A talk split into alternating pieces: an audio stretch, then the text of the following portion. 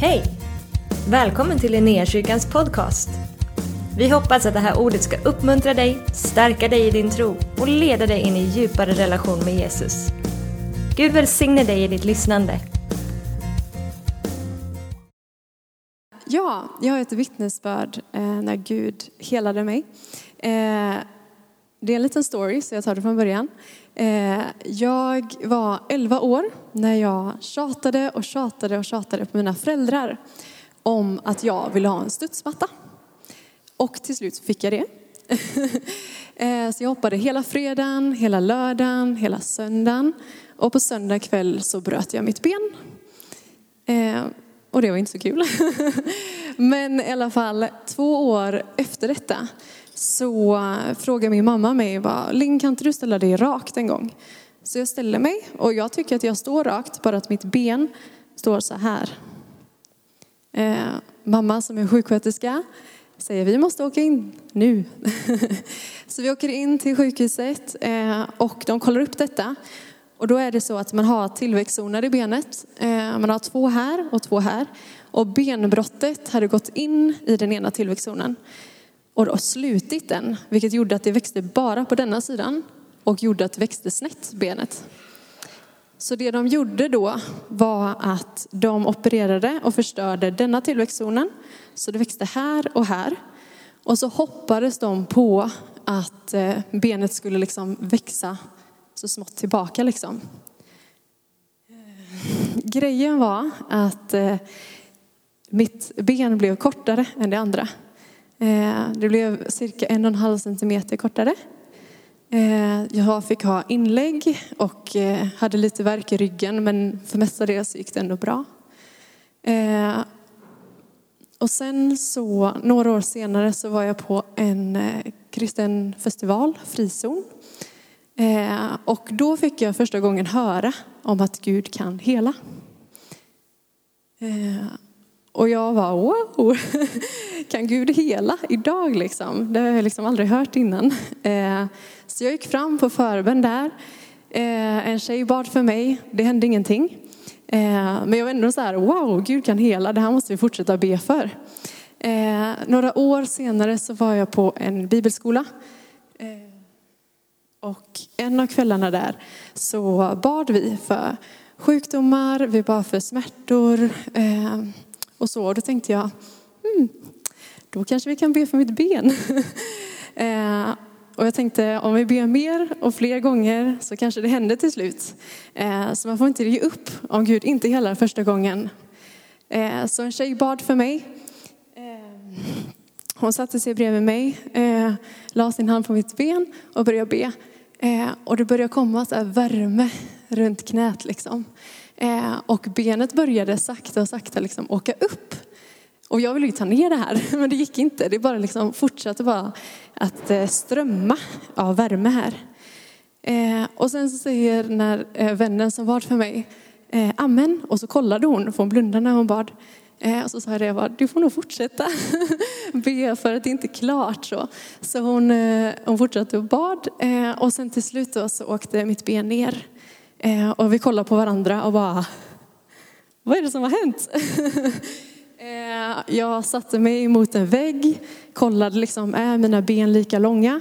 De är lika långa. Eh, jag behöver inte ha mitt inlägg i mina skor längre. Eh, och ja, jag bara kände wow, det här sker idag liksom. Eh, så fantastiskt. Eh, och det kan ske in i alla våra liv. Eh, och jag tror att jag tar med mig mycket av den här storyn också, är att, att aldrig sluta be. Eh, att det är det farliga. Om vi slutar be så kommer det aldrig hända någonting. Utan att bara fortsätta att kriga i, be, för, eller i bön för, för helande. Så. Underbart. Följdfråga. Var den, var den kvällen en sån där kväll då du bara hade extra mycket förväntningar? Liksom? Eh, nej, jag var faktiskt lite så här eh, eh besviken lite innan. Eh, eller jag vet inte riktigt vad. Det var någonting som hade hänt en dag. Så jag, på det här mötet på bibelskolan så gick jag faktiskt ut därifrån. Och sen när jag kom tillbaka så såg jag liksom eller så såg jag bara att folk satt i grupper och bad. Eh, så då gick jag fram till den där tjejen och, och satte mig ner och var lite så här, ah, det här kommer nog inte ske typ. Men vi ber ändå, jag frågar henne liksom. Så det var väl lite min attityd. Jag hade inte så mycket förväntan alls, eh, skulle jag säga. Lärdom av det då? Eller vad som, måste det bli liksom pumpa upp en atmosfär för att vi ska be? Liksom, eller vad, lärdom av att faktiskt hände när du var lite skeptisk eller inte i alla fall sugen på att nu ska jag ta detta? Oh, frågan igen? Ja, du petar in mycket i den frågan där känner jag. Eh, nej, men jag tror att bara komma öppet inför Gud eh, så, med det vi har. Oavsett vad vi känner eh, eller bär på eller vilken situation vi än är i. Eh, att alltid förlita på att Gud är den han är. Eh, att han är vår läkare och att han är god och att han vill, han vill hela. Får jag följdfråga? Nej. Är det så nu då, eftersom du har varit med om detta, om att liksom när du ber för folk, blir alla helade nu då? Nej. Men vi fortsätter be. Så lärdomen är, eftersom du hade bett innan för och ingenting hade hänt, detta skedde nu. Och när du nu ber och ingenting händer så tänker du, tänk inte ge upp, för det gjorde inte du, men det hände sen. Eller? Tack så mycket Linn. Härligt. Eh, och vi har väl, vi har väl alla sådana stories runt omkring oss. Ehm, eh, det finns i vår familj både människor som inte har blivit helade och människor som har blivit helade. Eh, Fantastiska mirakler som har skett. Eh, så vad kan vi liksom få med oss? Det, vi bygger våran tro och våran, eh, våran liksom övertygelse om att Gud är den som helar och den som upprättar och den som befriar är ju inte dock på det här vittnesbördet eller våra egna vittnesbörd. Utan vi bygger det här på vittnesbördet om Jesus. Vem Jesus är och vad Jesus har gjort och vad Jesus säger om det. Och vad eh, vi lutar liksom mot honom. Inte bara på de vittnesbörd och de saker som händer runt omkring oss. Utan de blir en, en bekräftelse på det som vi igenkänner i Jesu liv. Och hjälper oss in i en övertygelse och en tro där vi vill vandra i efter, ja, efter, efter, efterlikna Eh, honom. är så vi ska landa i Jesus såklart. Jag, det finns en berättelse, en söndagsskoleberättelse och jag tänker att många av er har hört den. Så jag berättar bara den lite kort. Eh, för min poäng är egentligen bara sista versen i, i den här berättelsen. Kapitel 5 i Lukas, det finns fyra stycken eh, som kommer bärande på en lam till ett hus som är överfullt av människor. Jesus är där och Jesus undervisar. Och det står inledningsvis här att alla var där. Alla, du vet, och då inkluderar du de som var lärda, de som var förnämna, de som har inflytelserika. Det står att de till och med kom ifrån hela området dit. Så alla var där.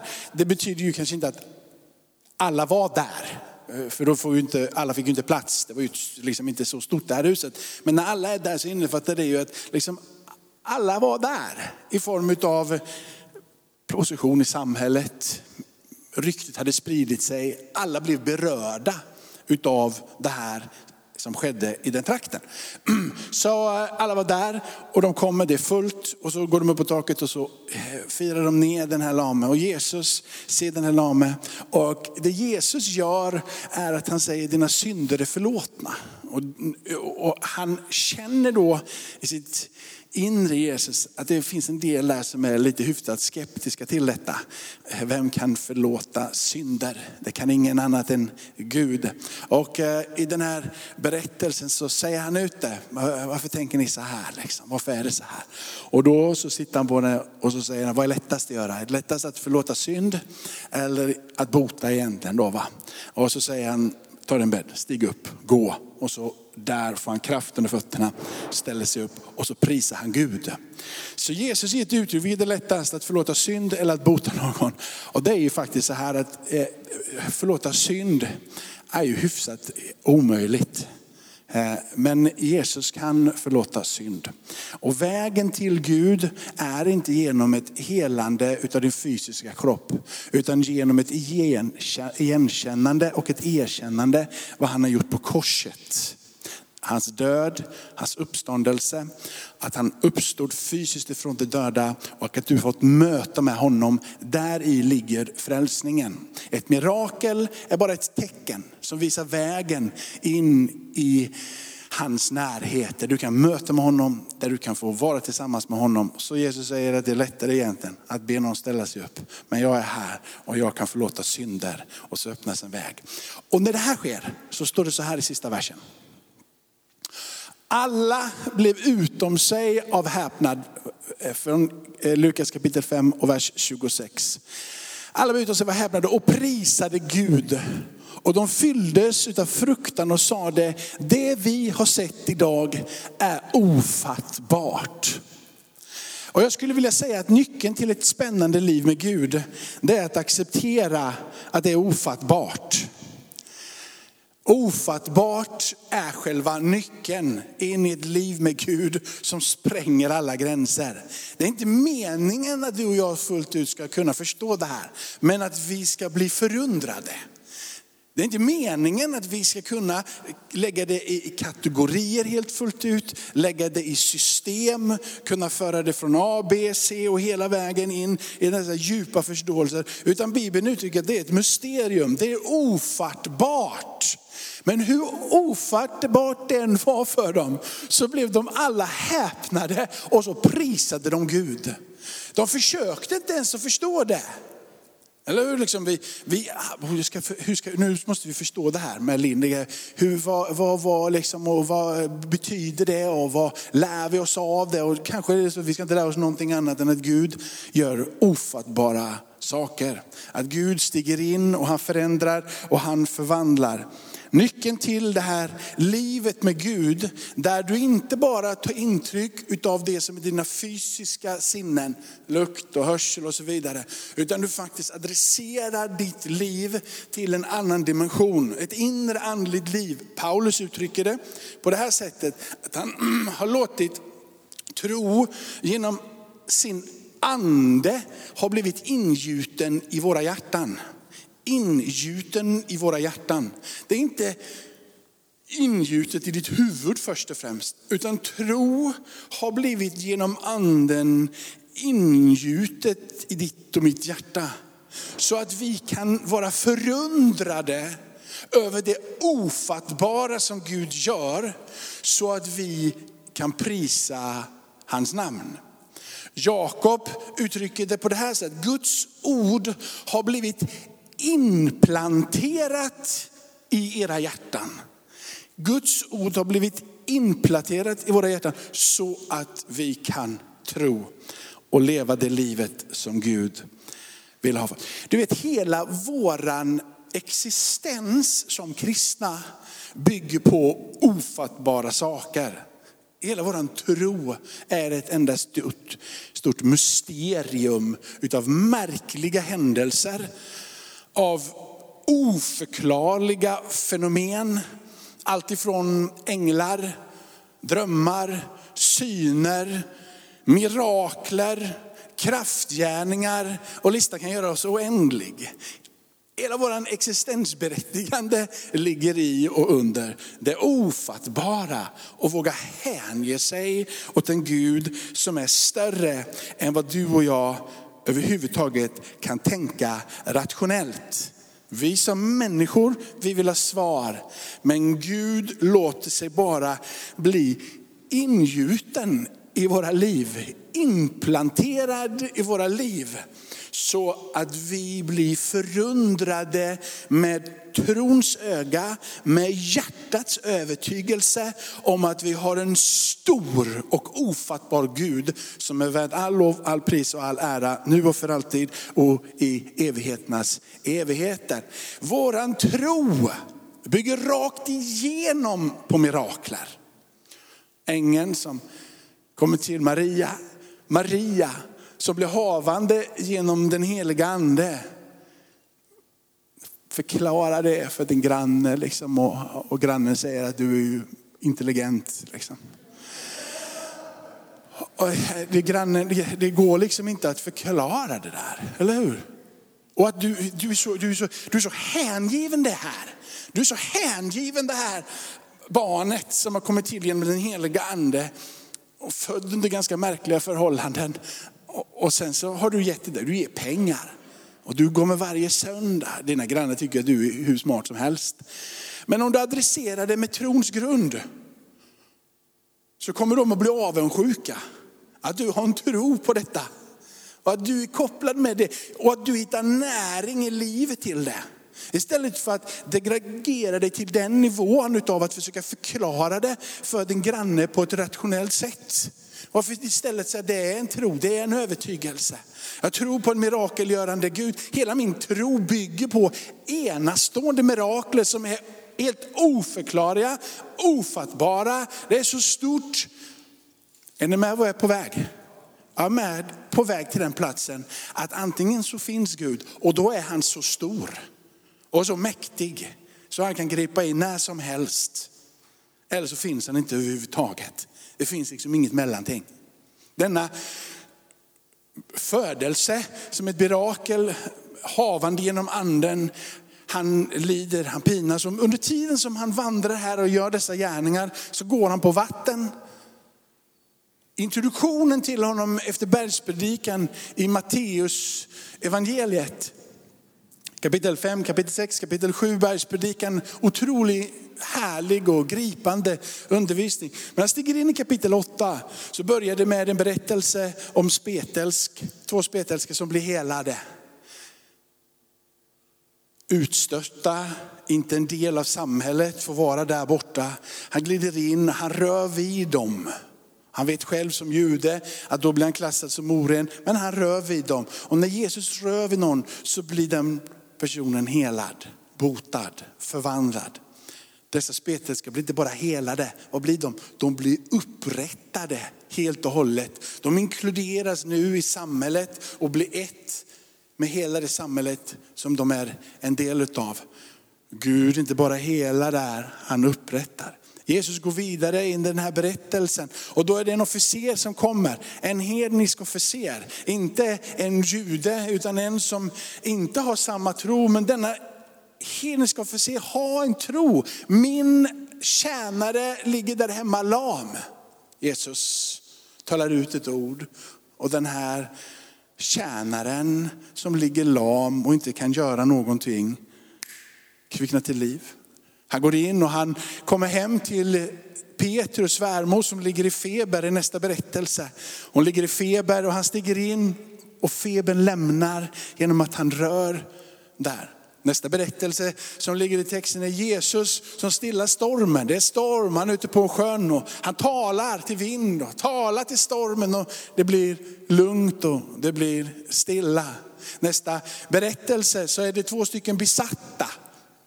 Och han driver ut dessa onda andar ifrån de här in i en svinjord. Detta är liksom introduktionen på något sätt på Jesu gärning. Häpnadsväckande berättelser som du, genom att du har sagt ja till Jesus och vill följa honom, säger det där är helt naturligt för mig. Äh, det är en del av liksom hela, hela paketet och jag sväljer det bara rakt igenom, rakt av. Eller? Varför kan vi inte bara erkänna att vi är obegripliga som kristna? Men vi har en obegriplig Gud. Han är stor. Och du har blivit inbjuden att få sitta i hans famn. Att få vara tillsammans med honom. Denna Jesus är det som helar, han som upprättar, det är han som befriar. Vidare på det här så uppstår han ju från de döda efter han har, han har dött. Och det är ju en märklig berättelse. Men där ligger frälsningen. Utan att han uppstår ifrån de döda så finns inte heller uppståndelsen från de döda. Paulus adresserar det här och pratar om att om nu inte Jesus uppstått ifrån de döda så är vi ganska meningslösa. Men nu har han uppstått ifrån de döda. Och han lever nu och för alltid och alla evigheternas evigheter. Och han väntar på att en dag få komma tillbaka och möta med dig och mig. Men innan han kommer tillbaka va, så fick lärjungarna se hur denna Jesus åkte upp himmelsfärden. Och de får stå och titta uppåt, titta uppåt. Och en märklig syn och går säkert att göra en hel predikan om hur märkligt det där är. När Jesus framför deras ögon försvinner som en nyårsraket liksom, på något sätt. Han drar. Förundrad över hur i hela världen är det möjligt. Försök återigen förklara det för din granne. Um, för att understödja vad nu jag har sagt då, lite grann, så står det så här i Lukas. Och det här återberättas då när Lukas skriver ner. Lukas är ju en utav författarna då till evangelierna och Lukas är en som försöker skriva ner liksom vad som verkligen har hänt. Han, han, han, han försöker göra det lite mer i tidsordning. Han, han har även skrivit apostlagärningarna och han har liksom verkligen försökt gå igenom hur det här har skett, varför det har skett, syftet med vad det är som har hänt och på något sätt bli en historiker över det liv som Jesus vandrade. Och han säger så här, Jesus gick ner tillsammans med dem. Han stannade på en slätt. Det var en stor skara av hans lärjungar och mycket folk från hela Judeen, Jerusalem och från kusten vid Tyrus och Sidon. Det hade kommit för att höra honom och bli botade från sina sjukdomar. Även det som plågades av orena andar blev botade och allt folket försökte röra vid honom eftersom kraft gick ut från honom och botade alla. Så vi kan nog stadfästa här, för det första att vår tro bygger på ganska enastående berättelser om en enastående man som vandrade omkring och kraft utgick för, från honom till helande upprättelse och befrielse. Eller? Okej. Okay. Fortsätter detta? För det är ju en stor fråga. Jesus, okej, okay, sure. Men fortsätter detta? Eh, och, och liksom, eh, apostlagärningarna, men det kanske inte händer vidare. Vi har hört din berättelse här idag, men det kanske bara är någon, liksom, eh, någon skum magivariant som bara hände där på den där eh, liksom då, eller liksom, alla ni andra som varit med om det. Din granne tycker liksom att ja, men det finns seanser lite överallt och det, det finns lite, lite makter och det finns lite onda andar och det finns lite stenar och det finns lite kristaller och så händer olika saker och det finns liksom psykoser och det finns liksom hysteri och det finns allting och så bara lite glädje och skratt så kommer det mycket helande. Det finns liksom, du kan gömma dig bakom hur mycket som helst. Eller? Har ni aldrig hört sådana saker? Jag är bara helt ensam som har hört att vi liksom är knäppa som tror på det här. Men ni är ju lyckligt beskonade. Men jag står fast då, om jag ska stå ensam, att Jesus botar idag. Och att Bibeln är full av övertygelse, eller vill ge oss övertygelse och vill ge oss en bekräftelse på det. Apostlagärningarna har du där. Apostlagärningarna så eh, har Jesus, eh, är inte Jesus längre med om pingstdagen och sen så, så ser vi både hur hedningar får vara med om märkliga saker. Vi ser att kraften går ur deras händer. Vi ser att även sådana som inte var tillsammans med Jesus utan förföljde Jesus, till exempel Paulus, att helande strömmar utifrån hans liv. Det står till och med om en som var med Jesus som heter Petrus. Och han var med, det står det att till och med liksom att, att man bara liksom fick vara i närheten av dem när de kom där, bara vidröra det, liksom vara i närheten så, så ske, skedde någonting. Paulus och Barnabas i kapitel 14 i Apostlagärningarna, nu är det ganska lång tid efter Jesus himmelsfärd och vi är en bit in i den tidiga kristna historien. Det är mäktiga gärningar som utförs genom dessa enkla mäns predikningar och handpåläggningar. Det fortsätter där. Hur församlingen etableras i Jerusalem och en av ledarna där, Jakob som har skrivit Jakobs brev, säger så här. Han adresserar inte apostlarna nu, han adresserar inte, liksom, utan han adresserar det lokala ledarskapet där och på andra platser som nu församlingar har blivit etablerade. Får någon av er lida så ska han be. En uppmaning till dig och mig. Är någon glad så ska han sjunga lovsång. Är någon bland er sjuk ska han kalla på församlingens äldste och de ska be över honom och smörja honom med olja i Herrens namn. Trons bön ska bota den sjuke och Herren ska resa upp honom och har han begått synd ska han få förlåtelse för den. Bekänn därför era synder för varandra och be för varandra så att ni blir helade, upprättade och befriade. Då är det så här, att Jesus är densamme igår, idag och i evighet ifrån Hebreerbrevet 13. Jesus gör kraftfulla gärningar och Jesus adresserar sina lärjungar att göra kraftfulla gärningar. Han sänder ut först de 12 under sin livstid. Han sänder ut de 70 under sin livstid. Det kan du läsa i kapitel, eh, kapitel 10 va? I, i Lukas, kapitel 10, 8, 9, 10. Det är någonstans där som dessa två utsändningarna sker i alla fall. Och sen så adresserar han, eh, eh, Markus adresserar i sitt, i sitt evangelium att dessa tecken ska följa. Han pratar om kraftfulla saker som tungomålstal och kasta ut demoner. Eh, och det finns tecken som ska följa och Gud bekräftade det som hände när de talade och predikade genom under och tecken som den sista versen i Markus evangeliet. Utifrån det här sen så ser vi hur det strömmar och en hälsning ifrån, ifrån, ifrån Jakob där. Men, eh, men Jesus säger i, i, i kapitel 14 i Johannes evangeliet att större gärningar än dessa ska ni få vara med om. Ännu har ni inte bett om någonting i mitt namn. Men så börjar han inbjuda apostlarna, lärjungarna, dig och mig, alla vi som har läst och blivit gripna och fått möta med Jesus, att ni kan få se dessa väldiga saker saker ske när ni ber i namnet Jesus. När ni ber i mitt namn. Så Jesus ger en hälsning och författaren till Johannes evangeliet är lika tydlig med sitt uppdrag som författaren Lukas till Lukas evangeliet. Johannes vill stadfästa genom sitt evangelium att Gud, att Jesus är Guds son.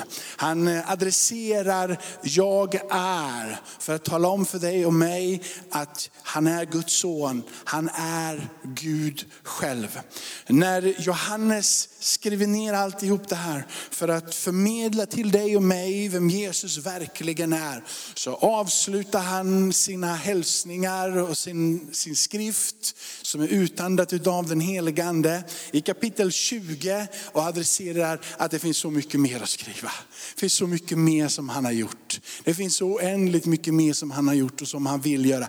Och i kapitel 21, samma sak där, inte ens hela världens alla bibliotek skulle rymmas. Liksom. Böckerna om, om allting som han har gjort skulle överföras. Varför? Så att du och jag ska tro i enlighet med vad det han har sagt och gjort och levt och inbjudit till följ mig.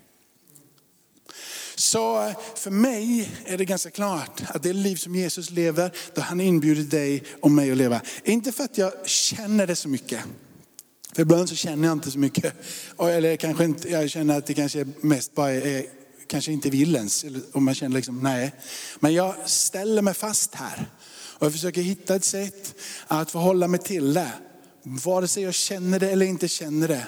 För att Jesus har inbjudit mig till ett liv tillsammans med honom. Där han adresserar till mig genom den här skriften och mötet med honom. Och andens tilltal och andens bekräftelse på insidan. Hur jag ska förhålla mig till Gud, mig själv och medmänniskor som är runt omkring. Och det innefattar en tro på att Jesus helar, upprättar och befriar.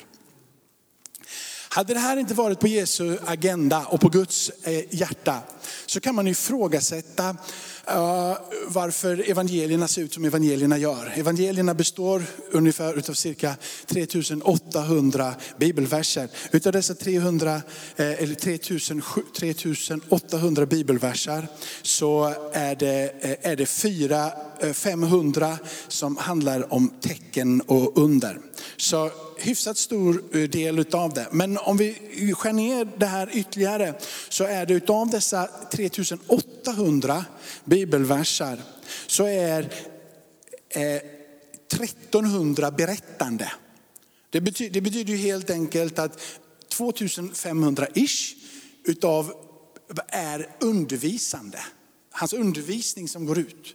Och då 1300 är berättande. Utav de 1300 berättelserna som är nedskrivna så är det ju 40 procent som handlar om helande under och tecken. Så när du kommer till berättelsen om Jakob liv, liksom, så undrar vad som är centralt.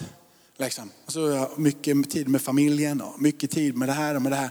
Och, och, och vill ni lära känna Jakob så ska ni se på liksom vad som hände runt omkring. Inte bara vad han sa, inte bara vad han lärde, inte bara att han var så vis och klok, utan hur han levde och berättelserna om hans liv och så vidare.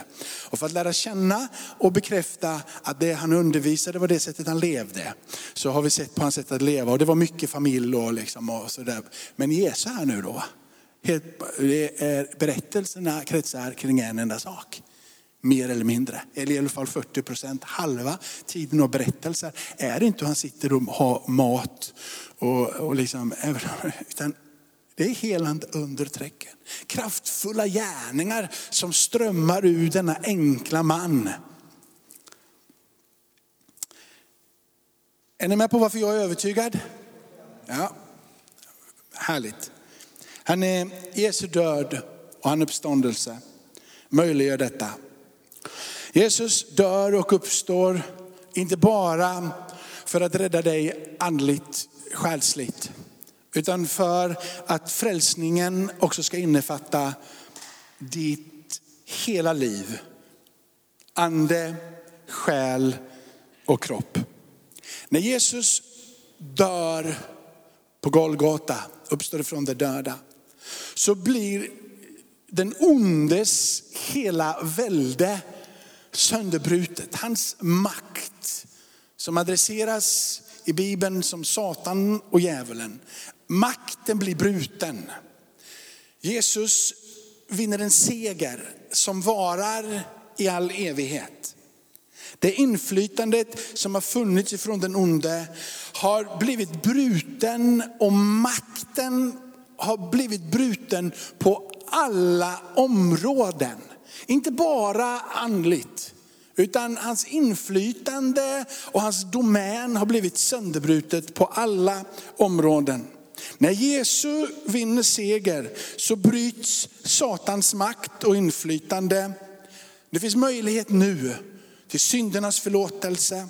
Det finns möjlighet i Jesu namn att ta emot helande ifrån sjukdomar.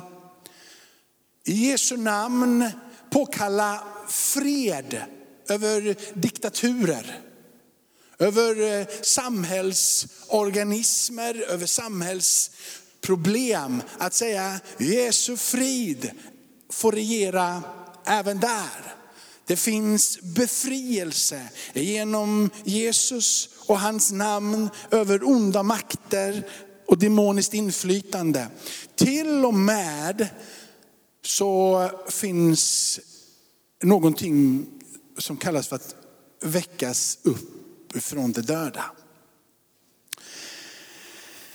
Hörrni, det kan låta lite så här, oh tjogo, nu drog han på. Och, och, det är ju helt sant att jag gjorde. Men eh, du vet att om det finns någonting som heter syndernas förlåtelse så är det det största som finns. Alltså att få ett liv med Gud och få vara med han i evigheter, det är det största som finns. Att de andra sakerna är inte ens i närheten utav det. Det är små tecken som pekar på en helt annan verklighet. Du vet att Jesus vill komma in här och hela och upprätta och, och bota och befria. Ja, men det han vill det är att människor ska bli frälsta. Ta emot syndernas förlåtelse, få ett liv tillsammans med honom. Det var hela poängen med att han lämnade himmelen. Men som en liten, liten bieffekt av det här så finns det läkedom, hälsa, upprättelse och befrielse ifrån onda andar. Det är min fråga den här. Om du nu kan ha en sån tro på syndernas förlåtelse och bara känna att det där blodet, det frälste mig. Så är det samma som helar. Som botar. Som befriar. Som insätter dig i hans rike. Jesaja. Jag orkar, vi kör tre minuter till. Ni inser att man kan säga ganska mycket och jag kan säkert predika bra mycket längre med, men vi kör tre minuter. Här, så här står det i Jesaja. Kapitel 53, vers 4 eh, till vers 6. Men det var våra sjukdomar han bar. Våra smärtor tog han på sig. Medan vi såg honom som hemsött slagen av Gud och pinad. Han blev genomborrad för våra brott. Slagen för våra synder. Straffet blev lagt på honom för att vi skulle få frid. Och genom hans sår är vi helade. Vi gick alla vilse som får, var och en gick sin egen väg. Men all vår skuld lade Herren på honom. Ordet helade innefattar ande, själ och kropp.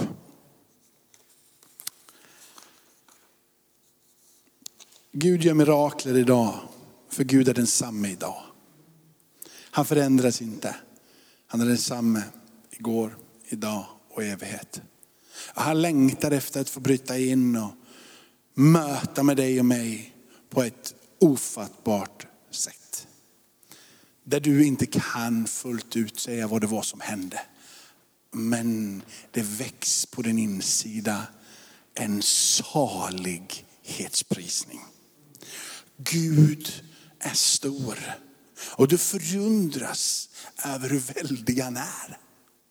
Det är det sköna med att möta Jesus. Det är att inte behöva förklara fullt ut vad det är som händer. Men det finns en inomboende barnslig trygghet av att jag vilar i den allsmäktiges händer. Att jag får plats i hans famn och att jag är ett med han. Det är din barnatro som frälser dig. Det är din barnatro som bevarar dig. Och det är din barnatro som öppnar dörrarna till det väldiga och ofattbara som finns tillsammans med Gud.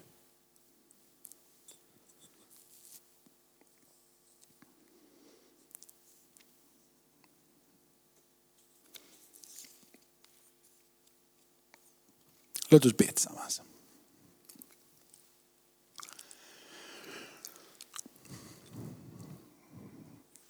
Fader i himmelen, du har eh, sänt din son. Jesus, du kom villigt för du älskade världen så. Bara i ditt namn Jesus finns det frälsning. Bara i ditt namn Jesus finns det hopp. Jesus, vi har gjort våran del här idag. Vi har villigt kommit till platsen av tillbedjan. Vi har tagit upp skriften och vi har talat ut hur stor du är och hur väldig du är. Nu så inbjuder vi dig att göra ditt jobb, att göra ditt verk.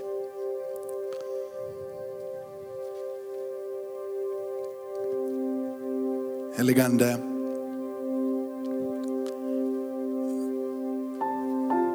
Gör det som bara du kan göra.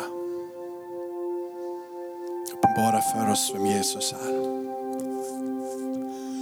Heligande, gör det som bara du kan göra. Förlösa Jesu liv mitt ibland oss. Jesu uppståndelseliv mitt ibland oss. I Jesu namn finns det helande, upprättelse och befrielse. Heliga Ande, administrera ut Jesu liv här.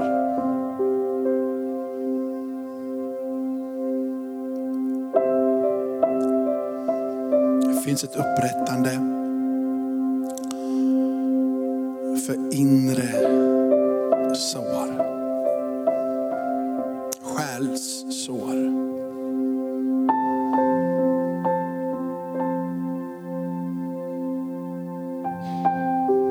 Saker och ting som har gjorts emot dig.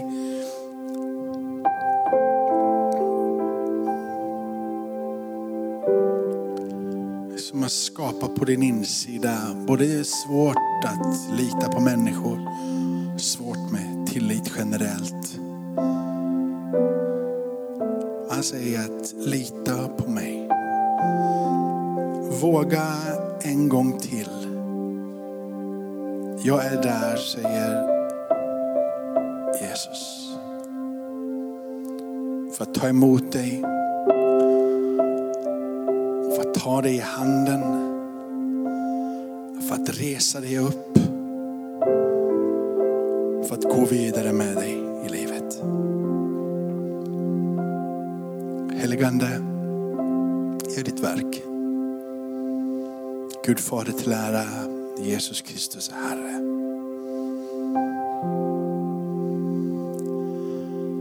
Bli förhärligad.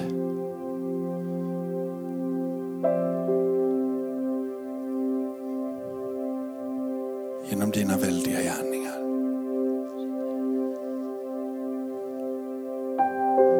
Kanske är du här och skulle våga igen be på den här uppmaningen ifrån Linn här att be igen och igen. Kanske är det bara en slentrianbön där du kanske inte orkar tro på det sättet som du känner att du skulle vilja tro. Men du vågar be. Du vet, Gud hör bön. Och än mer än Gud hör bön, Gud svarar på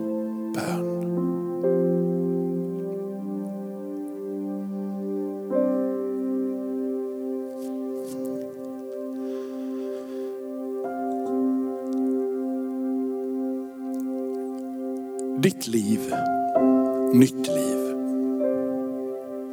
Jesu liv.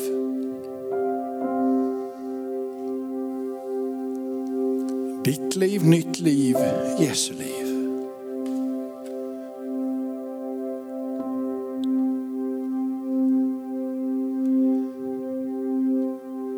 Oj, oj, oj, oj. Tackar dig Herre, heligande. Tack för att du har varit med oss. Hoppas du känner dig inspirerad av Guds ord och har fått nya perspektiv. Hör gärna av dig till oss och berätta om Gud har rört vid dig på något sätt. Vi är så glada att få höra vittnesbörd om vad Gud gör. Du kan mejla oss på adressen info och dit kan du även mejla om du har ett böneämne som du önskar att vi ber för. Eller om du har tagit emot Jesus och inte har någon bibel så vill vi mer än gärna skicka en bibel till dig. Skicka ett mejl med ditt namn och dina adressuppgifter till info så ser vi till att du får en. Om du vill ge en gåva till Linnéakyrkans arbete för att nå fler människor med evangelium så kan du swisha till 123 520 0993. Du kan också besöka oss på linneakyrkan.se för att få mer information. Välkommen tillbaka att lyssna snart igen.